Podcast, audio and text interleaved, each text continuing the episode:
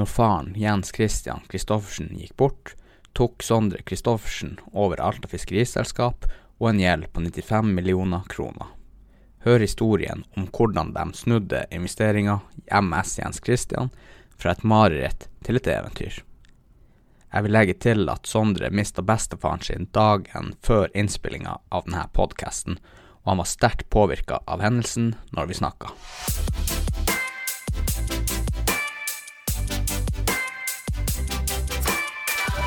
Velkommen hit.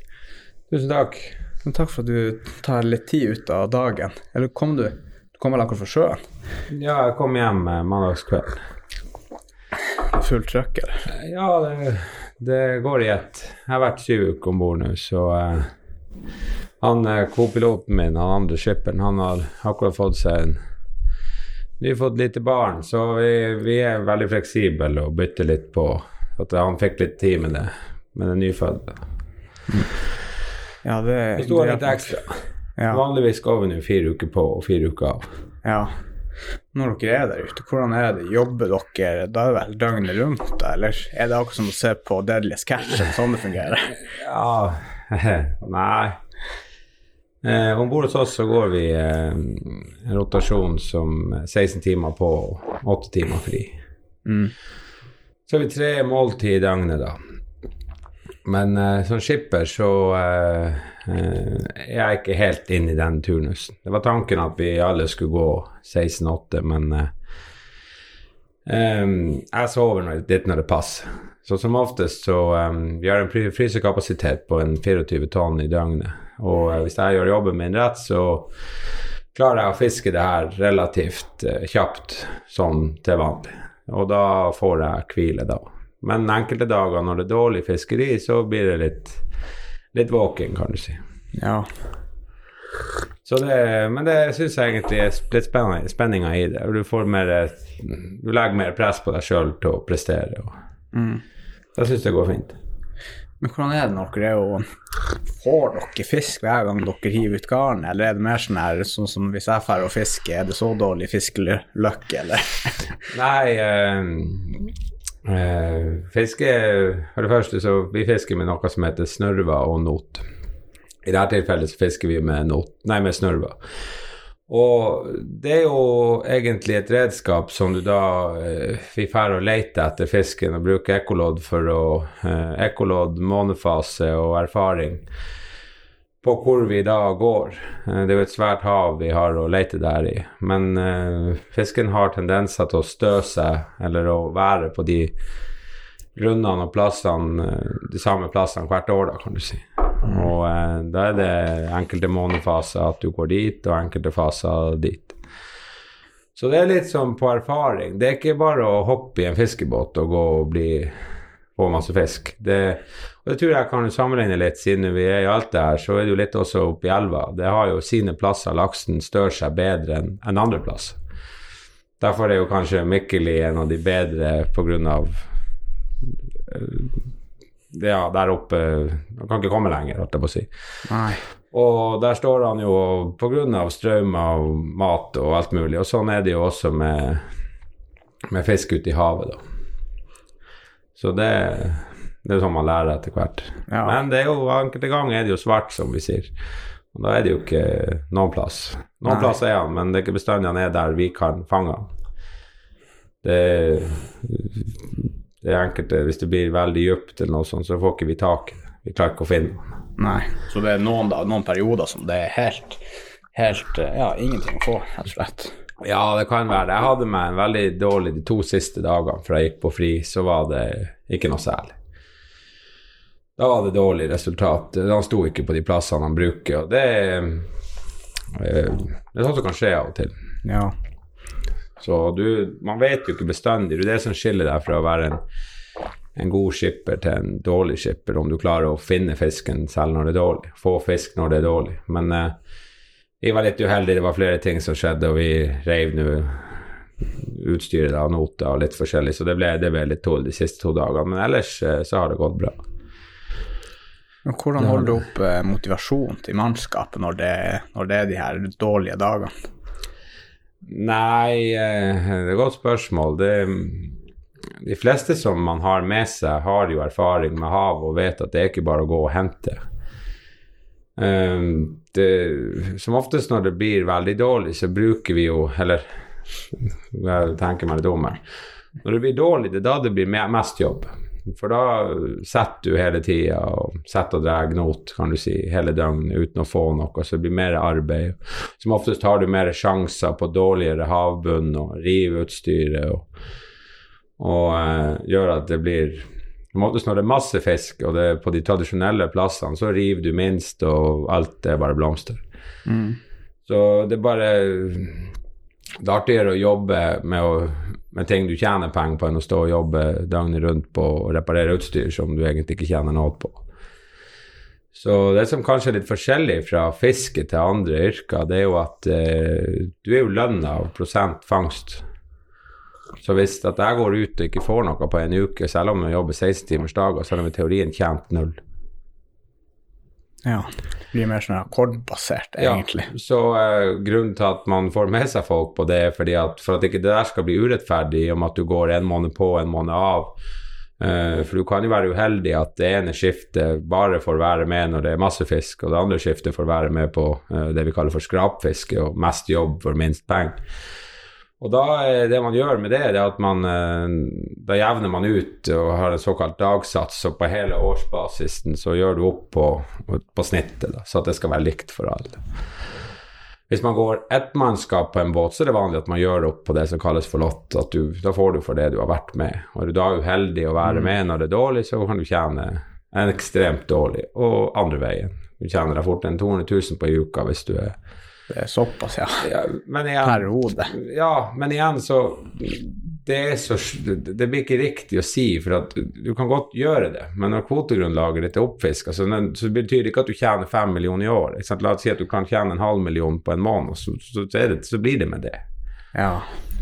Du har ikke mer. Så det, så det er liksom eh, Ja, det er kult, det høres kult ut, men fortsatt så jeg vet ikke, Min erfaring er at det er litt finere å ha en rytme å gå til, jobbe en måned på, en måned av, både familiært og, og masse fri er heller ikke gleden. Nei. Jo mer fri du har, jo mer penger trenger du. Det er på Ja, en måte det det er litt sånn eh, Det er litt fint å være på jobb, for det er på en måte det som er fint med å jobbe på fiskebåt, at du bruker ikke penger. Så når jeg kommer hjem, så har det to månedslønninger på en måned å, å bruke, kan du si. Ja. For det eneste det går, det er du si, snus og Cola Zero når du er om bord. Ellers så går det jo ikke noe Har dere nett på havet? Vi har, eh, vi har nett. Vi har både 4G og, og noe som heter VSAT. Vi har satellittinternett også. Vi har internett i hele, si, hele verden. Så eh, vi, vi er, Det hadde vi ikke på de forrige båtene, det var noe vi kjøpte nå. Det er ganske dyrt, men eh, Ja, det kan jeg tenke I dagens samfunn så må du ha det. Alt av komponenter og alt det her, det går jo over Teamviewer og alt mulig når du trenger hjelp. Så du er liksom litt hjelpeløs hvis du får feil ut med Svalbard og, og du ikke har internett til å få de her eh, leverandørene å koble seg inn og hjelpe deg hvis du er i nød. I dag så er de her båtene så, så datastyrt at det Ja, det er ikke for mitt hode å forstå alt det der. For å si det Nei, sånn. det er akkurat som å se en ny bil, en dansk Ja, det kontra er veldig, veldig likt. Ja. Nei, jeg har jo, jeg har jo vært på danskebåten en gang, så jeg har jo litt erfaring fra sjøen. Ja, Så der var det dyre internettpriser, i hvert fall, når Ja, man var midt uti. de har òg vedsatt, Mm. som det heter.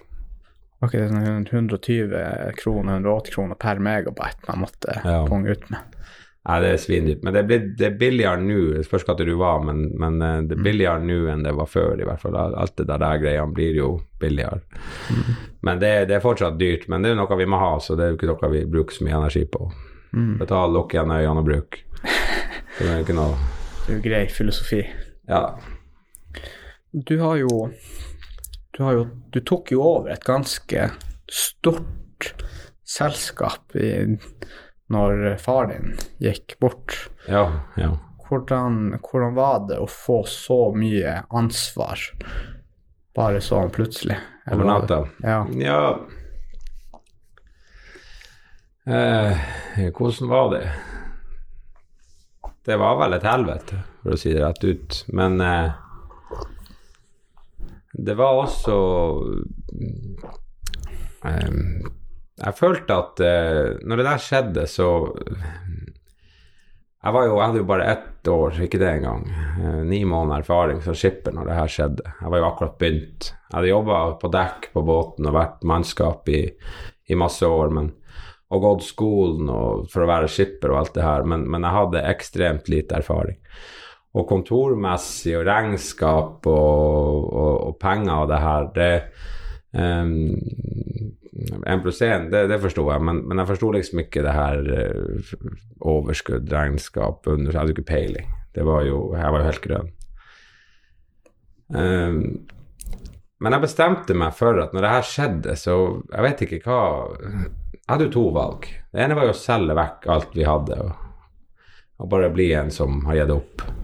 Mm. Eller så var det å brette opp armene og vise verden at det her får jeg til. Jeg har lyst til å og um, jeg hadde så respekt for, uh, for, faren min, da, så jeg hadde så lyst til å vise For vi hadde jo en plan om at jeg skulle være på sjøen, og han skulle være på land og trappe litt ned og styre kontoret. Og så skulle vi jo bygge oss sakte, men sikkert opp da med nye båter og alt det her. Og, um, og det var jo en, en, flott tanke. Og, og når han døde, da, så gikk det liksom en sånn faen i meg om at jeg hadde så lyst til å, å vise at det, det klarer alene. Jeg skal liksom fullføre drømmen vår med nybygg, og vi har jo bare hatt gamle båter, da. så drømmen var jo å, å, få bygd en ny båt. Og det ble liksom som, litt som en milepæl. Jeg, jeg, jeg satt med milepæler på hvor jeg skulle hen. Så dagen vi gravla han, så hadde jeg bestemt at vi skulle bygge en ny båt.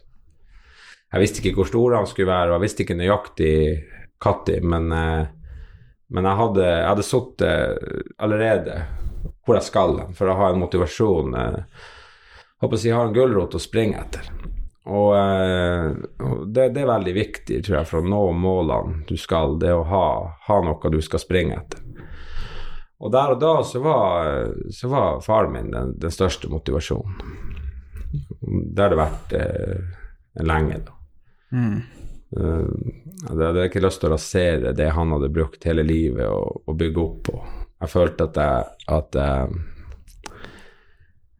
jeg, jeg, følte at han fortjente det på alt han hadde gitt meg i oppveksten og, og, den lærdommen. Han var veldig hard og, og streng, men, men, du bygger ikke gode folk av å være bløt. Du må, du må være du må være eti, du må, du, må, du må, tørre å stå på, du må ikke være redd for arbeid. Og, og, og han, han var, jeg er veldig glad for at han var sånn mot meg. Og det, så det var egentlig grunnen til at jeg valgte da det løpet å gå videre og, og prøve. Så det var, det var, det var tøft. Jeg husker jeg arva Vi var 21 mann ansatt når han døde, og vi hadde, da hadde vi to båter akkurat da. Og vi hadde 95 millioner gjeld. og jeg var 23 år, og jeg kunne jo nesten ikke telle til ti. Ja. Så det var jo det var mye, det var mye penger og mye, mye, mye, ansvar. Så Men eh, det har nå gått, på et vis. Hvor mange, Vet du hvor mye verdier dere hadde da når dere hadde så mye? hjelp? Ja, vi hadde jo Da var det vel en 150, det var noe sånt. Mm. Men hvor, hvor, vanlig er det å kjøpe en ny båt da i denne eh, businessen? Nei, det er nok ganske vanlig eh, at man bygger nye båter. Det eh, Jeg vet ikke om man skal si noen regel. Det er jo veldig eh, På snitt så tror jeg fiskeflåten skifter ut flåteleddet sitt ca. hvert tiende år. Mm. bytter båt hvert tiende år. Det er litt etter hva type drift du har. og Som du sikkert kjenner til, så har du der Deadliest Catch, som alle prater om. Ja, Ja, ja. Og grunnen til at de bruker gamle båter, som jeg ville ha gjort da i hvert fall, er fordi at de har ikke De båtene er veldig simple. Du trenger en motor, du trenger det der apparatet som skal hale inn den teina, og så trenger du en kran for å stable den teina. That's it. Våre båter kan du gange med 100 i kompleks. Altså det, det, er så mye mer utstyr vi trenger på det redskapet vi fisker med, kontra det de gjør. Mm. De har, ja, så har de ei pumpe for å sirkulere vannet, så de får oksygen til krabben så den ikke dør. Vi har jo kjøling, frys, fabrikker, sløyemaskiner, automasjon herifra til månen, masse leteutstyr, eh, sonarer, ekkolodd, masse kartplottere, strømlogger Altså, der er så mye. Vi har jo fire kraner og ikke én. Vi har eh, Det er så mye mer å få feil på. Og det som er at når de båtene begynner å bli kanskje en 10-15 år, så begynner det her å koste så mye penger å vedlikeholde. Og da lønnes det mange ganger å, å, eh, da skifter ut til nytt. Uh, ikke bare pga. pengene det koster vedlikehold, men også pga. Uh, de, alle de avbruddene koster så mye penger når du skal ligge på verksted. Det blir ikke forutsigbarhet i drifta di, og det gjør at du, det blir en sånn jojo hva du egentlig klarer å tjene. For det, en ting er et kostnad på en komponent som ryker, men det andre er jo på hva ja, hva taper du på at du lå på land en uke eller to eller tre? Mm. Så det er i hvert fall vår uh, filosofi bak det. Når dere har eget slakteri da inne på båten, ja, det, er jo ganske unaturlig. Jeg jobb, har jobbet litt på Grieg Sifu der som elektriker, og da, fant, da var det jo ja, slakteri og pakkeri og fryseri, da. Mm. Så jeg, får dere det ut i ferdig bokser da, når dere leverer det på fiskemottaket, f.eks.? Ja, vår båt er jo da rigga for å kunne gjøre flere ting samtidig. Vi, vi kan fiske levende, der vi pumper han levende på land, eller i merd. Vi kan også eh, fryse. Da fryser vi han i sløyd uten hode i 25 kilos eller 50 kilos blokker. Eh, da har vi han i fryserommet tørt, kan du si. Og så har vi muligheten å kjøre det som heter RSV i bulk. Da, kan, da, da sløyer vi han, eller har han blagga, eller hva verden vil ha, og så kjøler vi han ned i minus 1 RSV-vann, altså saltvann, sjøvann. Mm.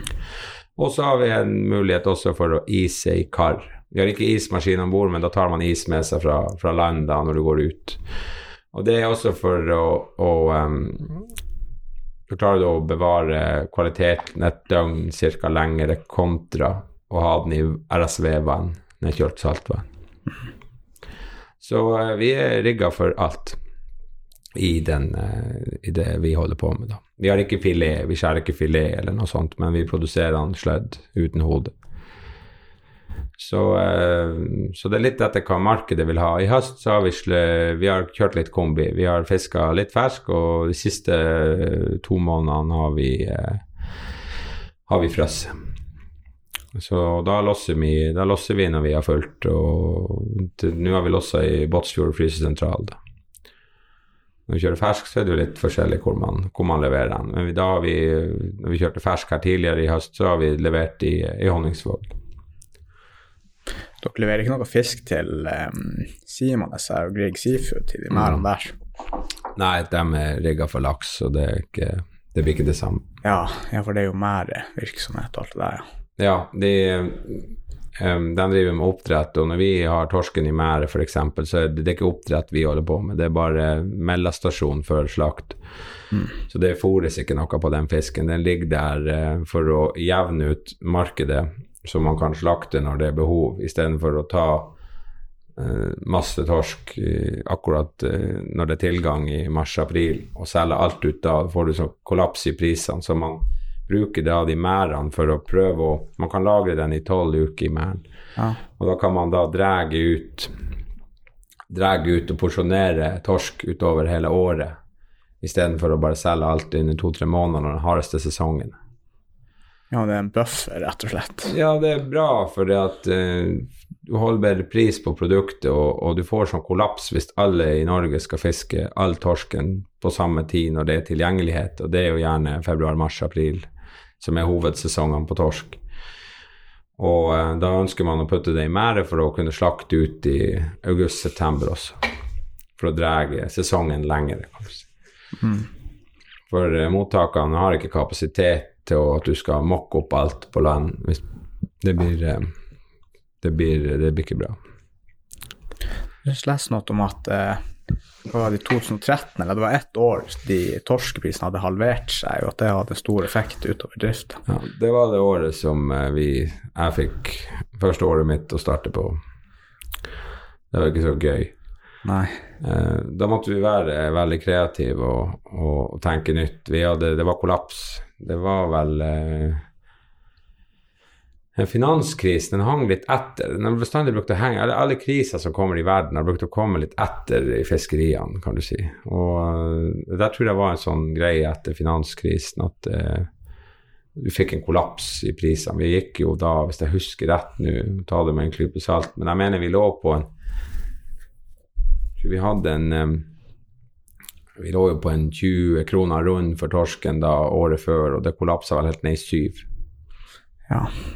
Og det ble meget tøft for oss det året der. Og, og hysa var det store kvoter på, husker jeg, men det var ikke avsetning. Og da måtte vi være kreative og hive oss rundt, og da ordna jeg første året hadde vi levering i, i Russland. På hysa, da, for å klare å komme oss gjennom året, for å få omsetning nok. For Én ting er at du har tilgang på fisk, og du har kvote på fisk, men hvis ikke du får levert den, så er du like fri. Du kan ikke tjene mer enn du klarer å bli a jour med. Ja, ja. Så eh, derfor var også, Det var en av bakgrunnene det året der at vi beslutta å ta frys om bord i Jens Christian, ny. Fordi at da kan jeg fiske fisken når den er tilgjengelig, men selv om det ikke er salg, så kan jeg i hvert fall putte den på lager. Så kan jeg selge den. Om jeg har råd, så kan jeg i hvert fall fiske når det er tilgjengelighet, og så kan vi selge det ut når det er marked. For det, det er for seint å liksom skal gå out of season og gå skal fiske ys når han ikke er der. At da er markedet, ferskfiskmarkedet klar å kjøpe. Vi kan ikke vente på det. Vi må fiske han når han er tilgjengelig, og så må vi selge han når markedet vil ha han. Og eh, det ser vi det at vi, det er jo første båten vi har med fryseri, og, og vi er veldig ferske på det, men, men til nå så, så, liker vi den drifta veldig godt. Uh, vi syns det, det, funker veldig fint. Så langt. Ja, det er jo spennende. Uh spennende opplegg dere har på gang der. Når dere er og fisker, er dere, er dere langt utafor kysten, eller er dere på åpent hav, eller er det sånne hemmelige plasser dere er og fisker?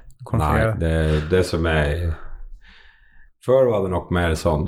Eh, I dag så er man sporet alle veier. Både av myndigheter for at ikke du skal gjøre ulovligheter, men også av alle kan se. Du kan gå på telefonen din og se hvor vi er til enhver tid. Mm. AIS-sporing. Vi, vi, er spora overalt. Vi, alle vet hvor vi er, hvor vi sitter og hvor, hva vi gjør, og når klokka alle, kan du følge, Er du flink, så kan du følge opp det der og nesten gå og bare kopiere det vi gjør, så er det ikke noe problem. Ah. Um, ja. eh,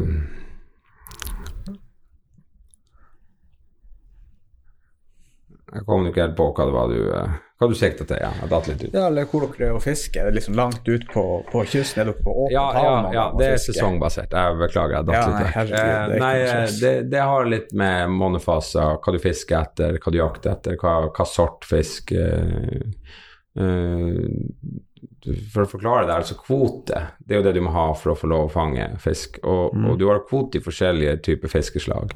Vi har i sei, hyse, torsk og sild. Du kan også kjøpe det opp i makrell og andre sorter, men det er det vi, vi har basert oss på. Og alle de her sortene fiskes jo på forskjellige plasser til forskjellige tider på år. Men vår drift så kan du ca. si ja, legge det i prosent, så kanskje 90 av året så fisker vi utfor Finnmarkskysten. Og så skal vi nå da Vi skal fiske litt sild, og det blir i Tromsfjordene akkurat nå. Og det skal vi gjøre nå om tre uker ca., rett før jul. Og så på somrene bruker det å være litt dårlig med kysten. Og da er planen at vi skal fryse ute i Barentshavet. Da er man, da er man eh, er Hopen og Bjørnøya og, og, og Spitsbergen. Og det er ca. en måned, noe sånt, i løpet av året, kanskje. Mm. Så hovedsak så fisker vi eh, veldig nært, kystnært uh, si de timer, altså et par timer fra land, kanskje. Vi ser ja. land hele tida, og, og, det er hovedsak det vi gjør. da. Ja, det er jo betryggende å kunne se land, for da vet man jo hvor man skal svømme. Hvis det er ja. Nei, det er så bra sikkerhetsutstyr i båtene i dag at det, det, er, det er ganske trygt. Vi er, vi er, ganske skodd for det meste som skal kunne skje. Mm. Så altså det Jeg håper vi nå går bra, i hvert fall. Ja, men er dere eh, På et skift er det mange mannskap på båten, da? Vi er åtte. Åtte, ja. Det er liksom fast. Ja, vi er jo litt i prøvefasen, men til nå ser det ut som det skal gå fint. Mm. Være 80. Og da får man egen lugar og egen Ja, hos oss har du egen lugar og TV og dass og dusj på lugaren. det er Som å være på hotell. Det er nesten. Bevegelig hotell.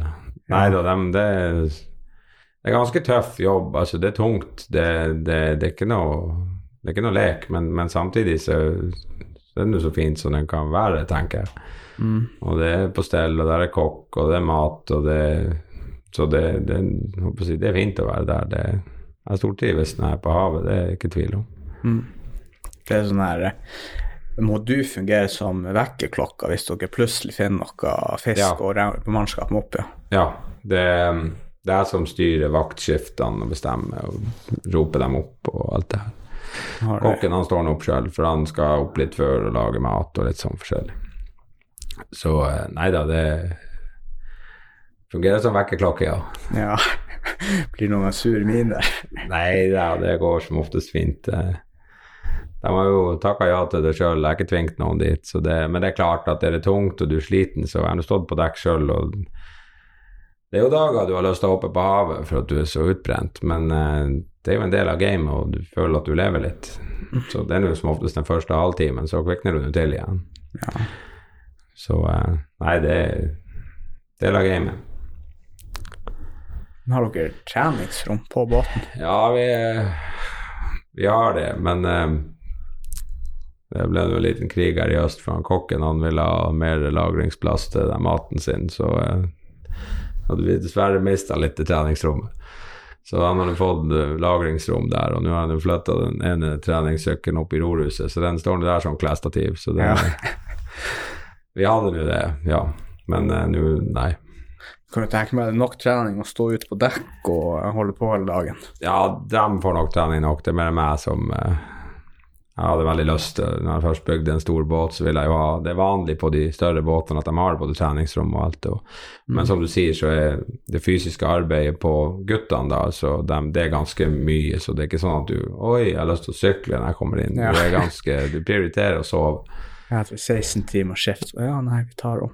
Vi tar oss en, en time på mølla. Nei, det, det er mer med det, men jeg vet ikke. Man, det er jo omstilling og hode og alt det der. Jeg sykler når jeg har ti på denne sykkelen, men uh, ti, det er jo et vet, Du har jo ti. Det er jo bare at Ja, man er liksom i Du sitter i fokus og skal fange fisk, så er liksom ikke den der sykkelen. Den, den er ganske vagt bak i minnet. Du prioriterer jo å prøve å få inn penger. og Kan ikke du bare bytte ut den her, den her kapteinstolen med sykkel? Det kan du mest Ja. gjøre, men uh, det får jeg ikke helt til.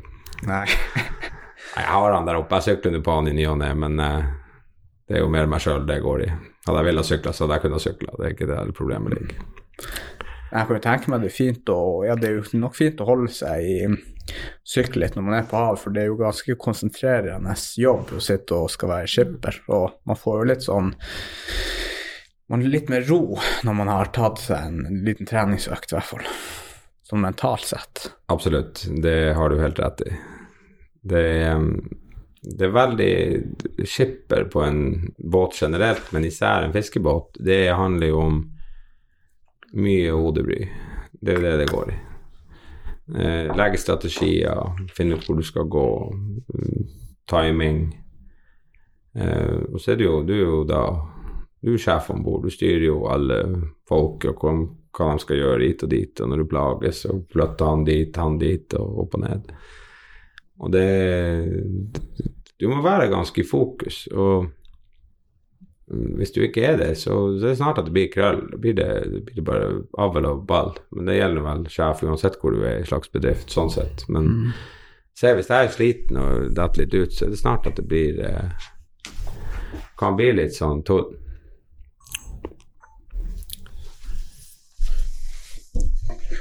Ja, det hjelper på å være skarp og ha Da går, blir jo kommunikasjonsflyten mye bedre, og, og da har man eh, Ja, det blir bedre kommunikasjonsflyt, rett og slett. Ja, det er Kommunikasjon er liksom min Jeg føler vi, vi er ganske gode på det. Vi må eh, Det gjelder overalt. Forholdet med kona di og, og folket du har under deg, eller ansatt hos deg. Det er viktig med kommunikasjon, så at alle føler seg, og alle får komme med sine meninger. og Man får bygge opp bedriften i lag. Vi er ingenting uten folket. Vi kan ikke flytte stein uten dem vi har med oss. Så jeg liker å si at vi er et team, og, og det, det, er i hvert fall viktig på en sånn fiskebåt hvor du jobber alle i lag under et tak. Ingen kan stikke av noen plasser. Du vinner og drar lasset i lag, skal vi klare å vinne. Og eh, det er klart, i høst med ny båt, masse nytt, det har vært en veldig stor lærekurve for, for oss i rederiet og, og, for guttene om bord. Og, og da ser jeg kanskje på at det er tungt eh, liksom komme over og klare å være den der som skal Kom igjen, gutter, når du sjøl har så mye å lære, og du sjøl er ukomfortabel. Og alle vet jo det at skal du klare å få folket med deg, så må du jo være med sjøl. Du må jo gjerne ha litt mer energi enn en dem for å få drage dem dit du vil. De går ikke dit bare at du sier det, du må gå mm. fremfor som et godt eksempel. og det kjenner jeg har vært tungt, for man sjøl har vært helt uttappa. Når vi snakka innledningsvis om, om, det her med hvorfor du tok over og hva, og, og hvordan skjedde det her. og det er klart at når den båten som, som liksom har vært den motivasjonen jeg har hatt i så mange år Den tok jo ekstremt lang tid å bygge, og det har jo vært en, et helt sirkus å få det her ferdig. Men, det liksom, jeg skal ha den ferdig, har jo vært målet. Men når den ble ferdig, så kjente jeg at uh, jeg ble veldig tom. Jeg var så utbrent her i sommer at det var helt jævlig.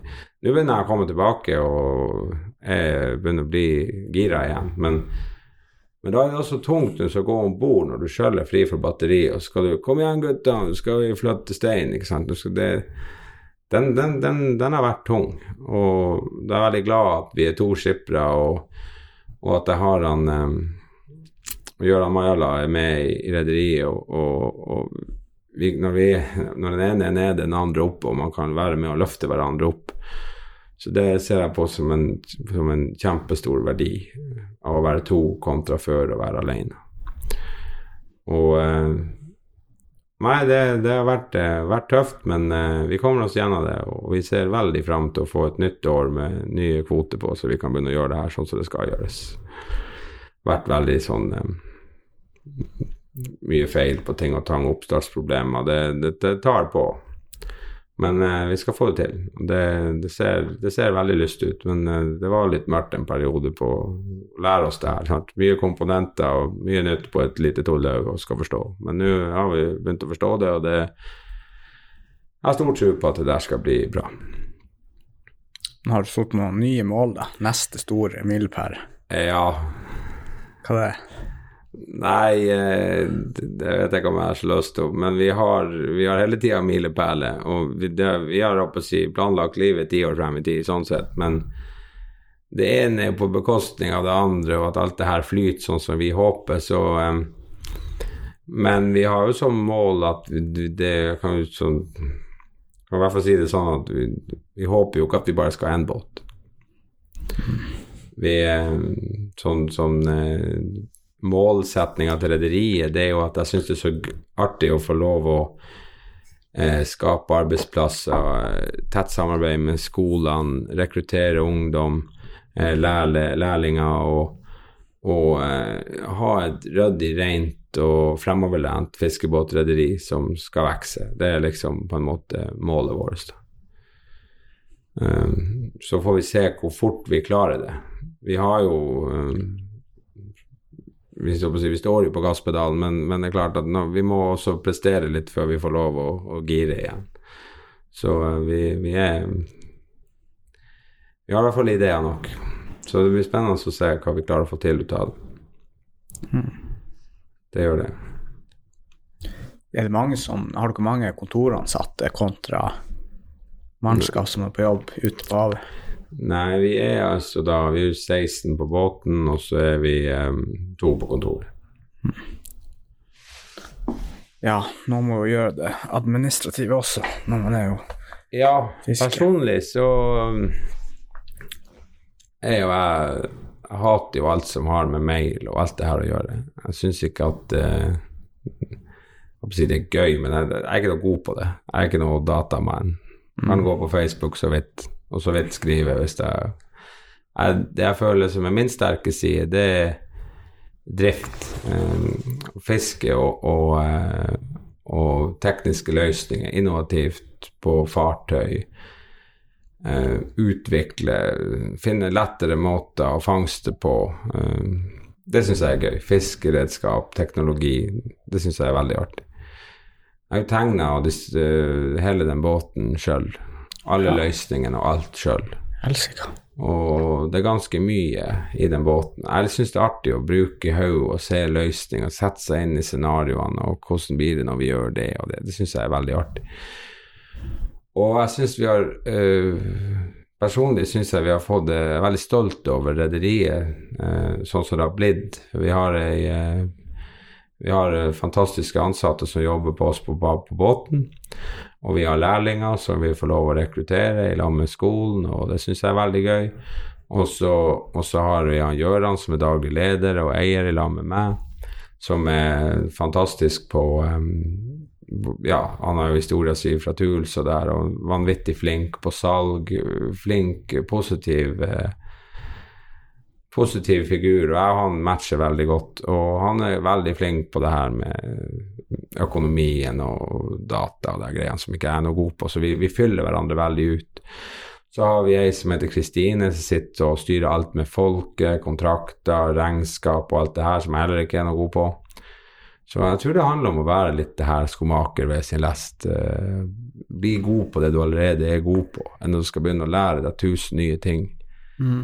Jeg personlig i hvert fall blir veldig ukomfortabel. Jeg liker å bli eh, ja, Det er båter liksom jeg kan. Båter og drift på båten og, og, og utvikling. Det, det syns jeg er artig. Det, dette føler jeg at jeg skal jobbe med det. Og så gjør han er flink på å eh, Egentlig på en måte litt det samme, men han er flink med økonomien og så får vi ei krone og blir to, og litt det her greiene. Og, og han og Kristine er flink på det her med de, med de folkene og kontrakter og regnskap og alt det der. Da føler jeg vi fyller hverandre ordentlig ut. Og så har vi eh, også eh, Han er en liten eierandel, og det er Andreas Hegg. Og han sitter jo for så vidt her. Og eh, han er også veldig med at Jeg bruker å si det at i styret så har du jeg og Gøran som er villbajasene som vil ta over verden, ja. og Kristine og Andreas som tar oss ned på jorda. Og, og, det jeg kanskje merker uh, veldig positivt, er jo det her med uh, Før når jeg var alene, og du kommer på en idé, så er det du Du kan jo få denne ideen til å bli så god du vil, men du har ingen som slakter den. Det vi bruker, Nå skal jeg prøve å forklare det på en så ikke jeg forvirrer hele verden. Men når en idé kommer på bordet, så er det jo om å gjøre å få den slakta. Og hvis den enda står, så trykker vi play. Men når du er alene, så kan jeg få den å stå så mye jeg vil. Ja. At jeg har sagt at den, det, det, er rett, så er det rett. Men jeg har ikke noe innspill. Det kan jo hende at jeg tenker feil. Og, og der har jeg gjort når jeg var alene. Jeg har fått lov å lære det, heldigvis på en billig måte, men jeg har fått lov å ta avgjørelser 100 alene, som jeg bare har sagt til meg sjøl. Og det er klart at da har det jo blitt rett. Jeg går, går imot meg sjøl, det blir feil. Ja. Men nå når vi er flere, så kommer det ideer på bordet. Båtkjøp, ditt og datt, hva skal vi gjøre? Og, og jeg syns beslutningen vi tar i styret, det er så mye lettere også å stå bakom om det skulle være feil eller rett. Når du er alene og har rett, så blir du ikke snakkende til. Du blir klysa over en stor I hvert fall jeg. Du blir så høy på deg sjøl. Når du er alene og har feil, så blir du så nede at du har lyst til å hoppe utfor brua. Mm. Når du er flere i et styre som har tatt en beslutning og har feil eller rett, så kan man liksom Ja, men jeg husker at det var på grunn av det. Du er mye sterkere eh, Avgjørelsen står mye sterkere når det er styrevedtatt, enn at du vaser det i ditt eget hode. Og jeg syns sjøl jeg er veldig stolt over det. Jeg syns at rederiet har vi fått bygd opp veldig bra systemer rundt det vi skal jobbe med nå, det å få til å tjene penger på det vi har skapt. For nå har vi fått båten, vi har alt på vi, vi, har alt vi trenger, nå er det bare opp til oss. Og det er litt finjustering, og hit og dit nå, så er vi der vi skal være. Høsten i høst ble som det ble. Det har vært et veldig vanskelig år. Båten og Polen og forsinka hit og dit, og en annen båt vi begynte med i vinter for å holde likviditeten oppe og hit og dit. Så det, vi kommer oss gjennom det. Det blir ikke noe superfett, men det blir sånn at vi skal berges. Og jeg ser veldig frem til å få begynne først i første med blanke ark og nye kvoter, for de kommer først i første. Får vi hver gang resetter kvoten, kan du si. Mm. Så eh, nei, det er spennende. Men det hjelper jo selvfølgelig å jobbe i team. Det kan jeg tro er mye mer motiverende. Ja, ja jeg syns det er fantastisk. Ja. Nå, denne båten, det har vel ikke vært eh, Alt gikk vel ikke på skinner når du skulle eh, bygge denne båten? Nei. Det kan man trygt si. Litt frem og tilbake. Det var Det ble mye styr. Jeg vet ikke, vi har prata mye rundt omkring i i media om den båten, men jeg skal prøve å ta det så korte trekk som mulig. Mm. Det er klart at jeg begynte med den i 2016. Um, da tegna jeg den. Jeg brukte seks måneder å tegne den. Så trykte vi play. Så bygde vi den på et verft som heter Poltramp Yard i Pol, i Stettin. Uh, tida gikk, blomster, det var blomster alle veier, fint og flott. Og mens jeg bygde, så tok jeg sjøl meg en skipperjobb hos en kollega av meg i Båtsfjord. Jobba på den så at jeg ikke skulle tappe rederiet for penger mens jeg bygde, så at jeg hadde lønn til meg sjøl for å få mitt private støy å gå rundt. Og det gikk veldig bra. Helt til verftet da gikk tom for penger. Og grunnen til det er fordi at de hadde regna feil på båten, hovedsakelig. Jeg hadde vært for god å forhandle pris på den, for å si det sånn. Så eh, det gikk eh, Det kan man jo slå seg på brystkasse når man gjorde det, men eh, det ble jo ikke noe gøy til slutt. For den båten var kontrahert til Første gangen var det 85. Hva det betyr kontrahert? Ja, så bestilt eh, Det betyr at vi bestilte han Når vi bestilte båten og tegna den, så ble han bestilt for 85 millioner. Ja. Og før vi var ferdige her, så landa vi på 200. Ja. Så vi er veldig flinke å få rekordene i alt som er trasig. Den var bestilt i utgangspunktet som eh, Norges største kystbåt under 500 bruttotonn. Det har med volum inni båten å gjøre. Det var, jeg hadde litt lyst til å ha titler, det syns jeg er litt kult. Men sluttittelen på Vi forlengte den jo også underveis. Det skal jo sies var jo en av grunnene til at den også steg da i pris. Vi gjorde den lenger enn den skulle være. Og fryseri var først ikke tenkt, det var noe vi putta inn etter hvert og vært litt mye frem og tilbake. Og de gikk konkurs og flyttet til Norge, og ja, det var mye støy. Mye greier måtte kjøpe en gang til. Mm. Garantier Nei, det var, det kjenner jeg vel gråte når jeg tenker på alt det der. Det, det, har vært, det, har vært, så mye styr at det var helt forferdelig. Jeg vet ikke hvor mye reisedagene jeg hadde opp og ned. Jeg var jo ikke hjemme i det hele tatt. Det gikk jo i ett. Og etter at Gøran kom inn, og, så vi reiste jo heldigvis i lag. Og jeg tror ikke det var en dag for seint, for jeg var begynte å bli ganske utbrent på alt det her støyet som var, advokater, advokatfirma og hit og dit. og Det var så mye nytt vi lærte, og det var så kjekt at vi kunne være to, eller for så vidt tre, Andreas Hegg også med i lag med oss, og ta de her avgjørelsene i lag. Og som jeg sa i sted, også det her med at man, når man tar avgjørelsene, til nå i hvert fall, bank i bordet, så har alt vært rett de avgjørelsene vi har beslutta i lag, har vært riktig. Og det har, har vist seg da i ettertid, og det er jeg veldig stolt over. At vi, vi analyserer alt i hjel, får en idé på bordet, greiler den, og så finner vi den beste løsninga. Og eh, jeg syns at uh, Jeg er veldig stolt over det. Jeg, er veldig stolt over at vi kan fortsatt ha rederiet som jeg arva, eller arva. Jeg arva ikke det, jeg, jeg eide allerede 49 når han døde som jeg hadde kjøpt sjøl. Ah, ja. Det er ikke så mange som vet. Mange tror at jeg arva. Jeg har egentlig ikke arva noe, fordi at de aksjene han hadde, dem har ennå mamma. Ah, ja. Så uh, dem jeg ikke arva noe. De 51 av jeg i Alta fiskeriselskap, dem kjøpte jeg i en alder av 20 år. Eller 49, så kjøpte jeg de siste prosentene når han døde, også mamma. Mm. Så, uh, så det hun sitter i det som heter uskifta bo, så jeg, det får jeg ikke før den dagen hun går bort. Hvis ikke jeg kjøper dem hos henne eller et eller annet. Ja. Så det Det er mange som tror at man bare fikk det der i, i handa, men det sannheten var at man, man, fikk et selskap som sto i null med 95 millioner gjeld. Så det var om å gjøre å prøve å få det til å bli pluss, så ikke du måtte gå på gata. Og det, det, var, det var, en tøff tid, og det, det har vi nå klart heldigvis nå å snu. Men det er klart, nå er det ny båt, og det, det er ikke det her må man være på skal man komme frem. Det er ikke noen selvfølge at det bare står pluss og, og kjempegreier. Det, det blir en tøff høst, som jeg sa, men vi kommer gjennom det, og vi ser veldig frem til neste år. Ja. Nei, så Dere hadde jo en stor happening når denne båten kom med sånn her en champagneflaske på skroget. Det er vel Ja, ja det er vanlig, vanlig tradisjon at man døper båten. Eh, Nå skulle jo den da egentlig døpes i Alta, var jo planen. Men eh, pga. at vi var litt forsinka, vi var ikke ferdig helt, og vi så at det ble mye rot, så tok vi beslutninga å døpe den der nede, sånn at vi kunne sette en dato. Folk må jo tilpasse seg og kunne reise hotell og alt mulig. Og vi hadde ikke lyst til å sette en dato her oppe, for da måtte vi sitte den så langt frem for å være sikker, 100 sikker på at båten var nådd å bli ferdig, og vi hadde nådd å komme oss nordover. Og for å forklare det veldig enkelt, så forklare, hadde vi satt en dato og ikke vært ferdig der nede, så måtte vi gått opp, hatt dåpen og gått ned igjen. Det var en Ja. uke kjøring. Så, ja, så det vi gjorde det var at vi tok dåpen der hvor verst det var, og, så, og det ble jo rett som vi tenkte. Vi hadde jo sittet dåpen til vi da vi trodde vi skulle være ferdig, med enda litt margin, men vi var ikke ferdig.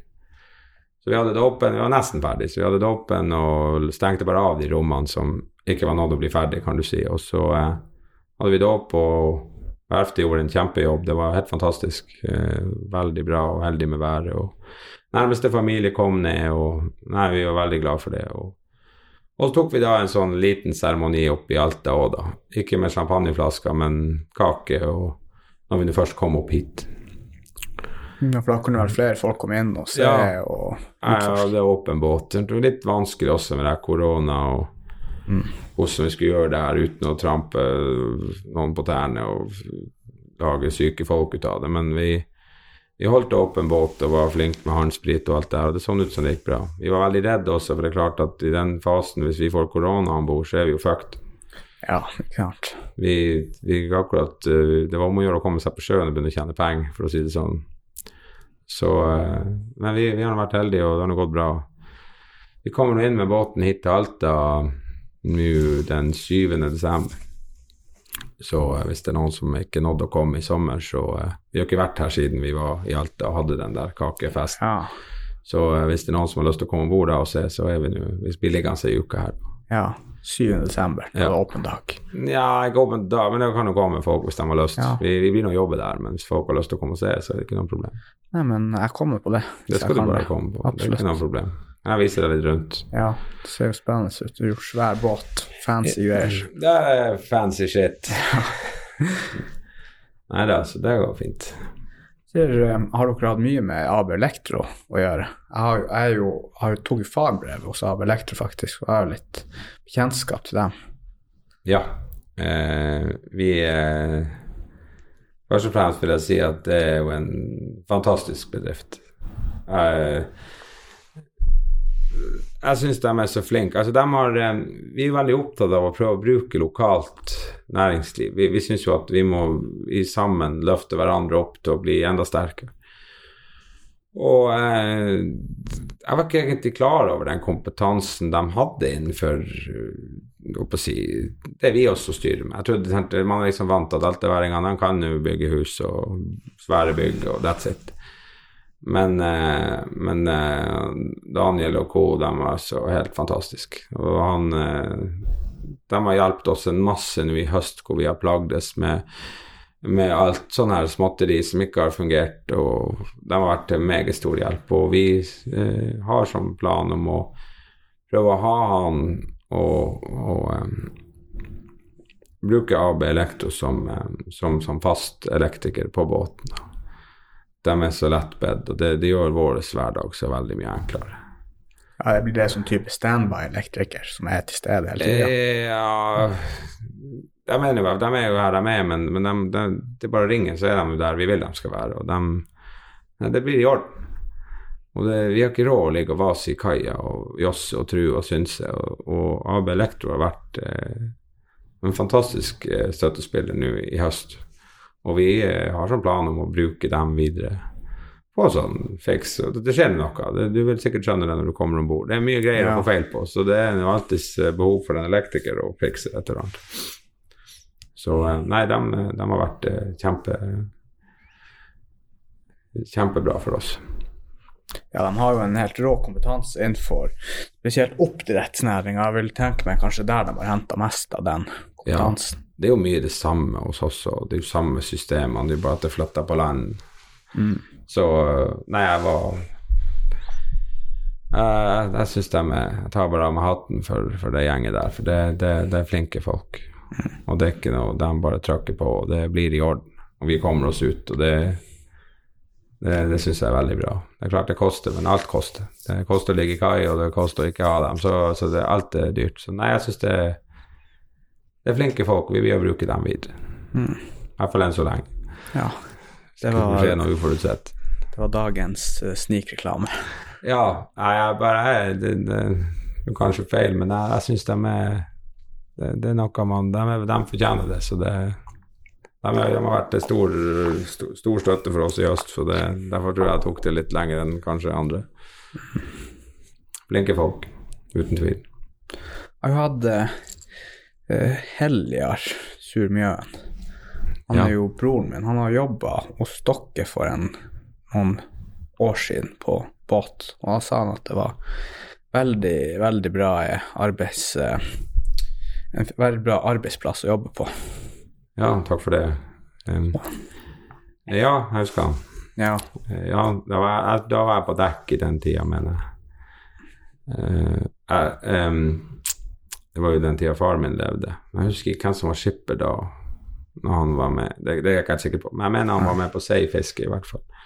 Det har sikkert ikke dere prata om, men jeg er ganske sikker på det. Nei, jeg har veldig litt peiling på, ja, på men det. eh, nei, han var eh, nei, kjempegutt og artig, og, og veldig artig at de, at de trives. Jeg er, veldig opp, jeg, jeg er veldig opptatt av at det skal være trygt, ryddig og rent, som jeg sier. Det skal være fint og ryddige systemer rundt.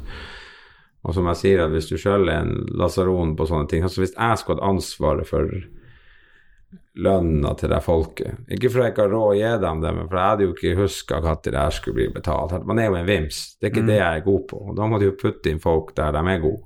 Og derfor sånn som Kristin, hun er jo helt nazi på at det her skal være på stell. Og det, jeg er òg nazi på det, jeg er bare dårlig å gjøre det hvis jeg skulle gjort det sjøl. Hvis, jeg- hvis jeg ordlegger meg rett nå. Ja.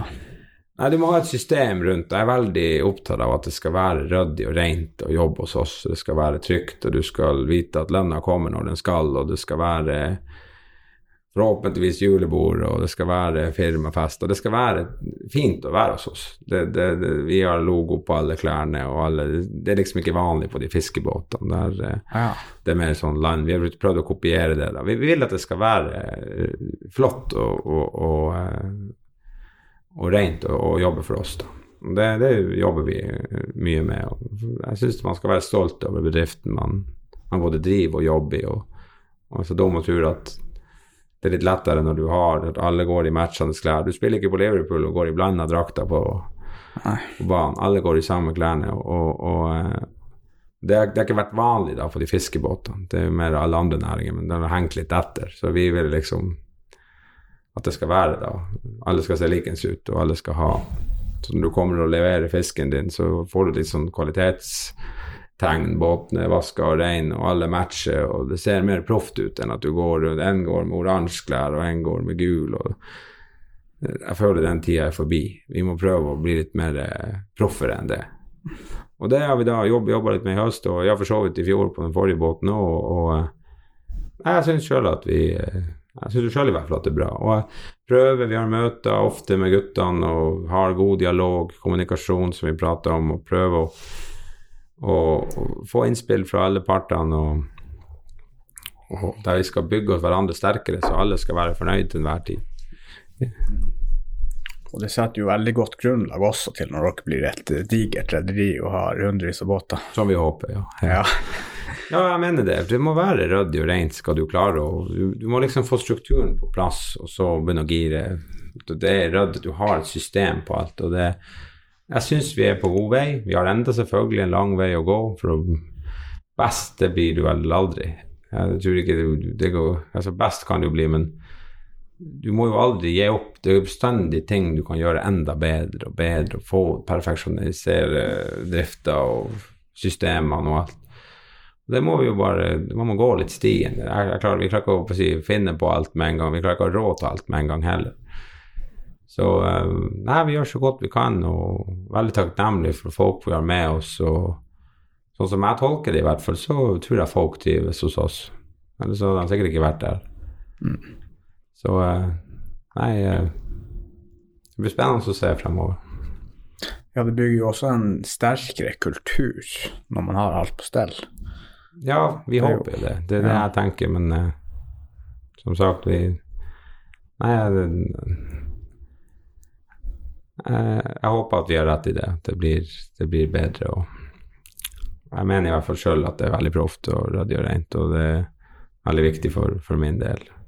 Folk skal føle seg knytta til bedriften på en litt annen måte enn når det bare er på halv jall og sant, fiskebåter tilbake i tid, du gikk på lott, du får noe lønn når du er ferdig. Altså, det blir sånn der, Før fikk man jo ikke penger før du gjorde opp, som det heter. Du fisker jo som sagt på prosent.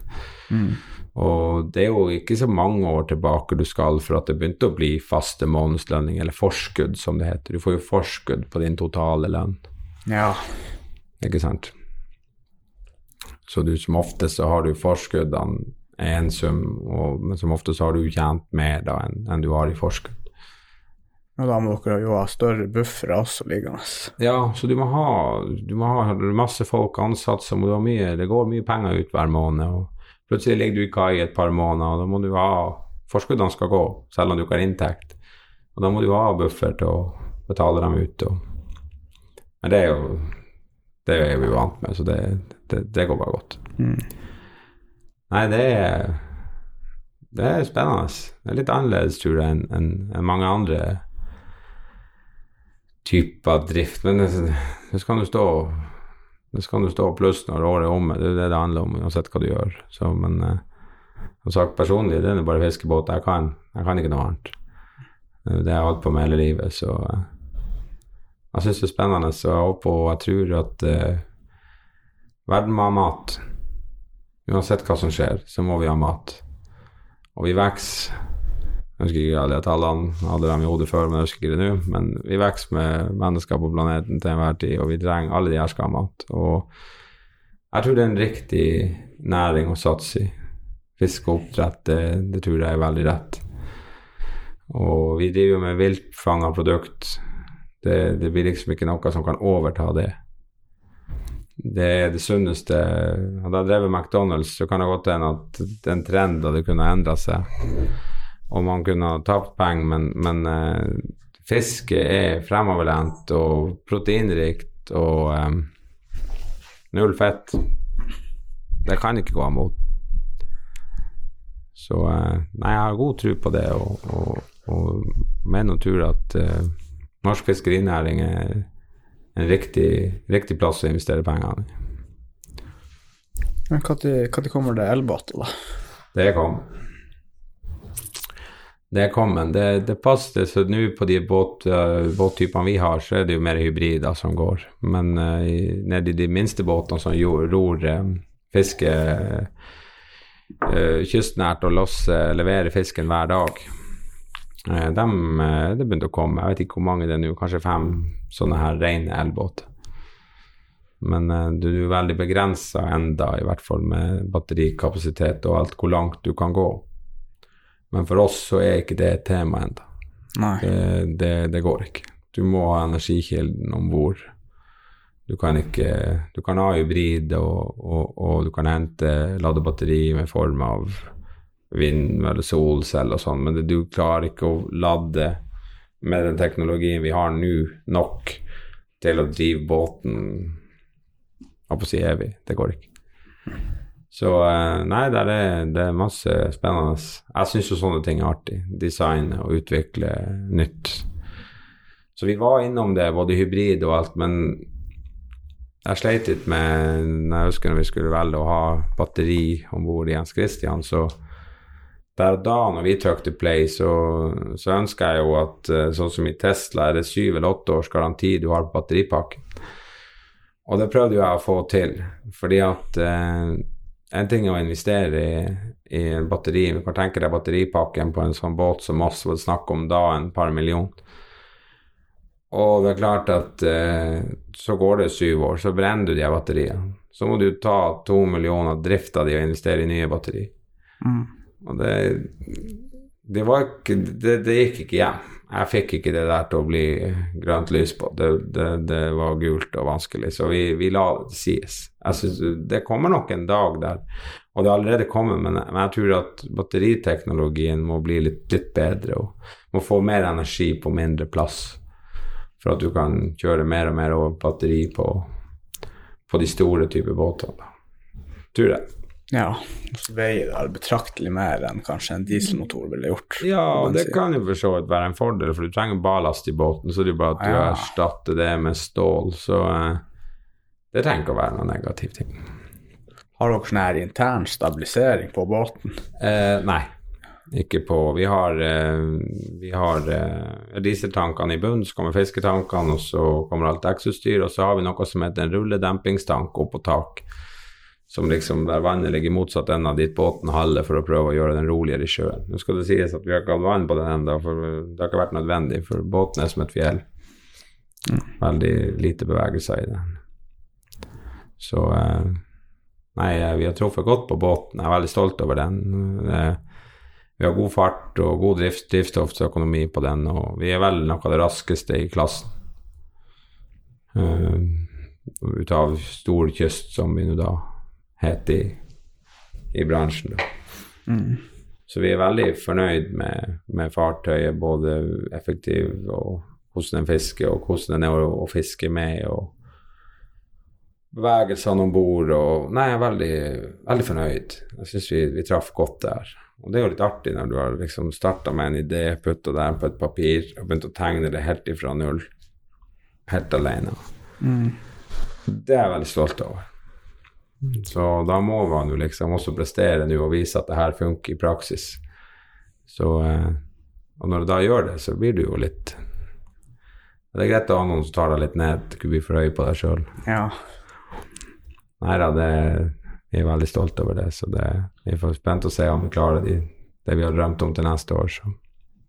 Så det, du, begynner du å se nå forbedringspotensial på hvordan dere har bygd båt nå, og hvordan dere kan gjøre det enda bedre på en, en annen båt?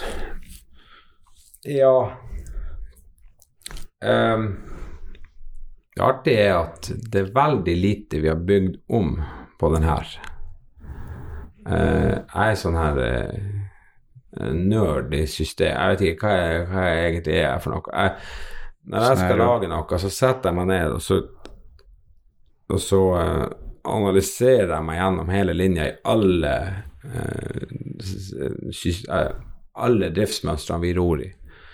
Og jeg da, så prøver jeg å eliminere det vi klarer, så at ikke vi skal få masse støy i ombygginga. Og jeg synes, i forhold til hvor mye som er i den båten, så syns jeg vi har truffet veldig godt. Det har vært veldig lite vi har måttet endre på. Men ja, jeg ser jo igjen eh, ting som du ikke kan endre på, og hvordan jeg kan gjort bedre med en annen båt. Så skal jeg bygge en gang til, så har jeg jo eh, absolutt eh, masse nye ideer på å få det enda råere, og hva, hvor man skulle brukt enda mer penger, og hva man skulle satsa mer på. Eh, absolutt. Så det, jeg, har, jeg har den oppi hodet. Men det, at det, det blir jo en, en stund til vi bygger noe nytt. Det tror jeg. Tror jeg vi skal satse på å kjøpe Hvis vi klarer å vokse som vi drømmer om, så blir det å kjøpe brukte båter, og så, og så kan man heller skifte ut etter hvert. Det er en veldig krevende prosess, det her nybygg-greia. Det tar lang tid, og det er mye, mye hodebry. Og, og eh, jeg føler at eh, det fortjener ikke hun, eh, kona mi en gang til så fort. For du er ikke til stede. Du, det, I hvert fall for min del, så det var Du er så i det her båtgreiene at du, du må nesten ofre alt, familie og alt, for å få det her til å, bli bra. Og eh, hun har på å si litt nok med å sitte alene hjemme nå de her årene vi har holdt på. Nå har jeg litt lyst til å, å faktisk følge den her fire uker på og fire uker av turnusen min, så at jeg kan være både far og, og være der for kona og, og, eh, og jobbe litt på kontoret når jeg har fri fra båten. Ikke at jeg trengs der, men jeg syns det er litt artig å være der og plage dem. Jeg er dødelig interessert i det her vi holder på med. og og nei, det, det er det som er målet vårt. Vi skal, vi skal gire og vi skal opp og frem, men eh, jeg tror vi fikk kjenne på i, høst, i fjor høst og året før der at Eller fjoråret, rett og slett, at uh, at det ble, det ble, det ble jo tvungen da i den situasjonen vi var i, men, men uh, jeg vil ikke tilbake dit. Faen, det var tungt, altså. Det, det, var som, det var på nytt igjen å overta etter gamlingen i 2012, eller hva det var. 13. Det var samme det, det, er så tungt å gå gjennom med tomme kontoer, og du vet ikke svaret, og trykke på hele døgnet. Du blir Det tar sånn på kroppen din å holde ut med det der, og alle kommer bort til deg. Hvor det går, hvor det går, hvor det går. Når mm. er den båten ferdig? Jeg holder på å klikke ut av det. For du er så i, du er så fokusert sjøl, og du vet ikke svaret. Og så er du en ærlig fyr, og så kommer alle og skal spørre deg, så skal du gi dem svar, og så skjønner de egentlig ikke hva du svarer på, for de skjønner ikke hva de har stilt spørsmål om. Og det, nei, det, det, er krevende tid. Jeg vet ikke om Hvis jeg sier at jeg har fått spørsmålet når er båten ferdig en million ganger, så tror jeg ikke jeg tar i. Og det var kult det første året. Men det er ikke kult når det her pågår i fire år, og du ikke vet sjøl om, om, du en gang får den ferdig. En periode så, så var vi jo på tur og mista alt. Og det Nei, det, det har vært eh, både artig og Nei, vi skal nå skal vi prøve å få til å tjene penger på det vi har, og få det her opp og gå, og så skal vi begynne å gire igjen. Kontrollert og litt, eh, litt roligere enn det har vært. Det tror jeg. Litt mindre voksesmerter? Ja, det har vært, eh, det har vært litt, litt for mye. Og i og oppi alt det der så bygde jeg jo hytta privat, så du, man har lært av storkeksene, så skal du ikke du skal ikke gire både privat og på bedriften samtidig, for at hvis du har det, er bedriften som gjør inntjening på privaten, og nei, det var alt gikk jo, det gikk jo hytta ad dund. Nei, det var mye styr her. Ja. Det, var, det, ble, det, ble, veldig tøft, og det Men eh, de sier ja, gjør deg sterkere, men hvor mye skal du tåle? Til slutt så tipper du jo. Du må Så det der, nei. Jeg vil i hvert fall ikke å investere hardt på privaten og på bedriften samtidig flere ganger. Det gjør jeg ikke. Jeg tror nok at, uh, at vi, skal, vi, skal, vokse kontrollert i begge ledd, mm. så at man tåler Så man slipper å, å ligge våken i et halvt år. Ja, det hjelper nok mye på. Ja, det, du, du, blir så stressa, og du, hodet klarer ikke å stoppe. Du klarer ikke å stoppe og, få til å sove. For du vet at uh, legger du deg nedpå og ikke er der du skal være, så det er ingen som hjelper deg. Det her må du finne ut av sjøl. Jeg gjør det, vi, vi sleit sånn med å sove her den der i fjor høst at det var helt jævlig. Til vi fikk avklart at vi skulle få Jens Christian hjem og få den ferdigstilt. Den der fasen der jeg og han og ja, alle i rederiet vi jobber idiot mm. hele dagen. Jeg sto sjøl om bord i, i Norskild som vi hadde kjøpt i fjor høst, og jobba der tre og en halv måned i strekk. Kona sitter hjemme og passer alle ungene. Jeg var ikke hjemme i det hele tatt. Full spiker. Reiste til Polen, hit og dit. Få avklart fire advokatfirma. Masse styr. Visste ikke hva skjebnen ble. Og hver gang du møtte folk, så er det 'Å ja, når er båten ferdig?' Når er båten ferdig? Du, du, du, du koker over. Og du vet ikke svaret, og vi var så stolt uh, i rederiet til jul at vi klarte å, å, å lande en avtale med Europas største bank, Kreditt Agricole og vi klarte å få det til. Vi, lille rederiet fra Alta, klarte å, å, finne en løsning som alle klarte å leve med. Bankene, de satt jo bare sånn her. De, de hadde jo ikke noe Det var vi som måtte komme frem til svaret. Hva, hva, er det som vi klarer å få dem å svelge, og hva er vi mm. å svelge, og dem der nede å svelge, og alle advokater og all slags mannskitt. Og vi fikk det til, og, og Nei, det var da ble vi høye på oss sjøl, for å si det sånn, og, og, og kunne gå ut eh, til jul og lansere til verden. Jeg bruker jo da Facebook litt, og det gjør jeg for å eh, prøve å fortelle der vi er, for å slippe å få de der tusen spørsmålene. Det er veldig hyggelig, men, men eh, det kan bli mye. Det vet jo ikke den enkeltpersonen som kommer, at det har vært 40 stykker før han og spurt samme spørsmål. Det kan bli litt sånn der. Så derfor legger jeg det ut. Det deler jo mye av livet mitt på den Facebooka, men det gjør jeg fordi at jeg har lyst til at da slipper jeg å gå og gjenfortelle meg sjøl hele tida. Og da kan, jeg, kan, folk lese for den som vil, og se hva er det egentlig vi holder på med, hvor det ser ut rederimessig og alt det her. Nei, vi var veldig stolte å kunne ta jul i fjor. Det var de fineste julene jeg hadde. Å kunne gå og vite det at nå har vi landa Jens Christian hjem til Norge. og vi vet at den blir ferdig. Vi har fått den løs fra det der landet som har holdt på å felle oss helt. Og eh, Nei, det var helt fantastisk. Og eh, og de her båtene som vi, som vi, kjøpte da i fjor høst, det var også en, en kjempeinvestering for oss. Vi var jo så heldige også nå at når Jens Christian ble ferdig, så klarte vi å selge Norskill rett etterpå. Ah. Vi var jo litt redd, for jeg hadde kalkulert med at jeg måtte ligge i kai en seks, syv, åtte måneder, og det hadde vi for så vidt kontroll på, men det var jo ingenting som var bedre enn å kunne bli kvitt den med en gang. Og kun fokusere nå på nybåten og få den opp, up and running. Og det begynner vi å få god kontroll på nå, og, og vi eh, har feila og lært en masse i høst, og, og vi ser eh, det, det, det er kjempegreier. Så nå ser vi frem til å bare få få komme oss gjennom det her året og, og, um, og, få begynne på nytt. Og drive sånn som vi har planlagt drifta. Da er jo drømmen oppfylt, egentlig. Ja, må vi lage ny. Ja, lage ny drøm. ja. Vi må, ha, eh, vi må, ha, noe å springe etter. Mm. Uten tvil. Og, og, og, vi har nok å springe etter. Vi må bare bli litt ferdig, få det der på stell, og så gire på videre. Så uh, vi har masse, masse drømmer. Jeg håper vi klarer å få realisert alt det her, for da kan det bli artig. Jeg syns det er så gøy å bare skape noe. Det, det er artig å, å få til. Har du noe Hvis du kunne tipse deg om én ting hvis du hadde vært 20 år hvis du kunne, Med all den kunnskapen du har i dag, og gi ett tips til deg som 20-åring, hva hadde det vært?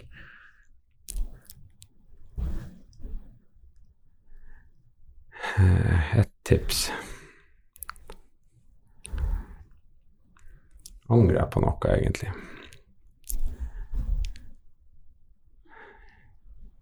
Hva man kunne gjort bedre, eller? Ja, jeg sitter og tenker. Jeg prøver, det må jo være et litt fornuftig svar i det der.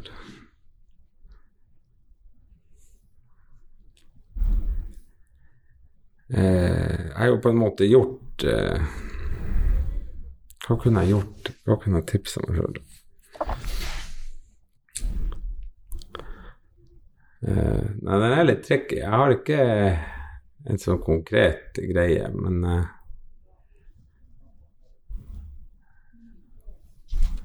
Nei, jeg kommer ikke på noe sånn konkret. Jeg er jo på en måte Hva ville jeg gjort da? Ja, det eneste jeg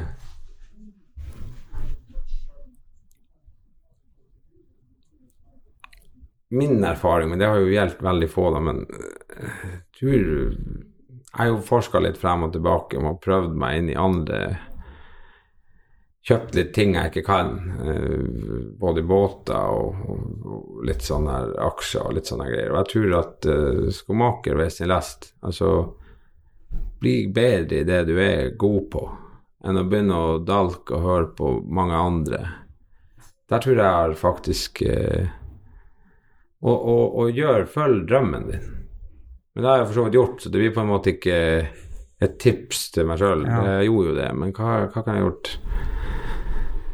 Um, nei, jeg vet ikke. Gjør, bli flinkere i det du er god på. Og, men det er klart, når du er 20, så er du sikkert ikke god på noe. Så har nok ikke Jeg vet ikke om jeg har noe konkret. Eh, jeg tror ikke det.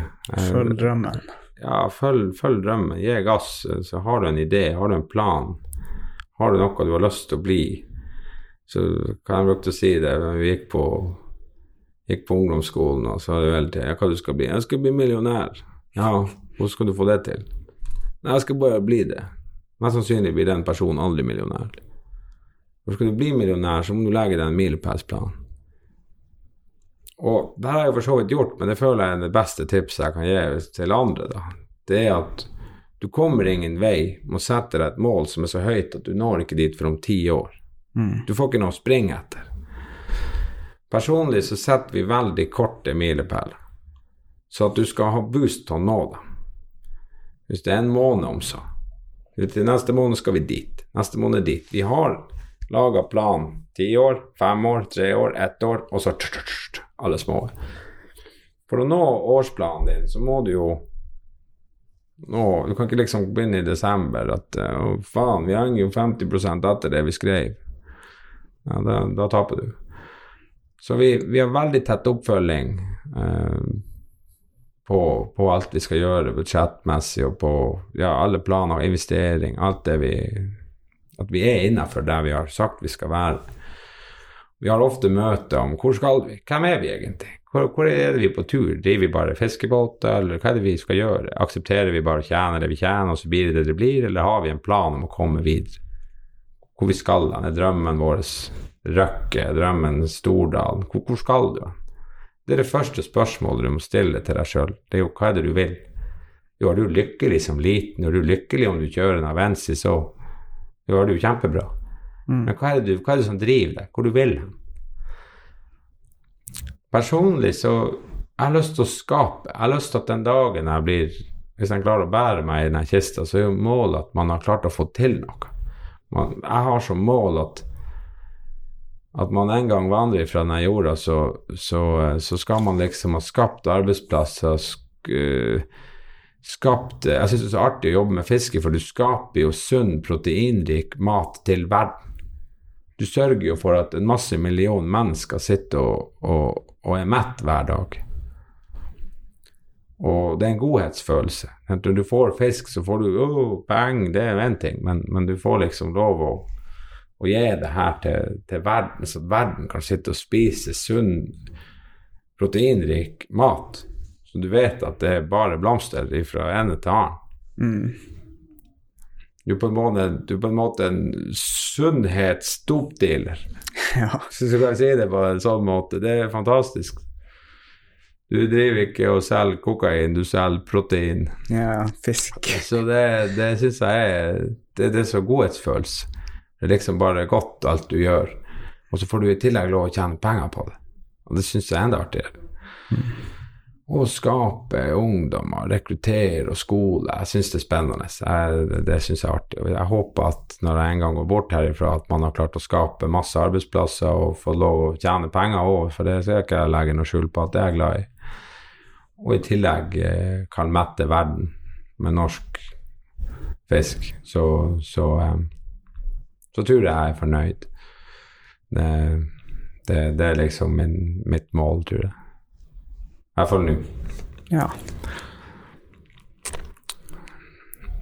Jeg tenker før vi avslutter, er det noe du har lyst til å promotere utenom at dere er til Kais 7. desember?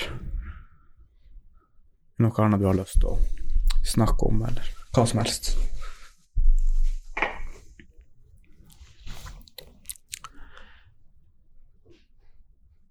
Um, nei. Nei, det er enkelt og greit. ja, jeg hadde ikke noe på hjertet. Ja. Uh, uh, det har ikke det. Ja, men perfekt. Jeg vil si tusen takk for at du kom hit. Ja, vær så god. Ja.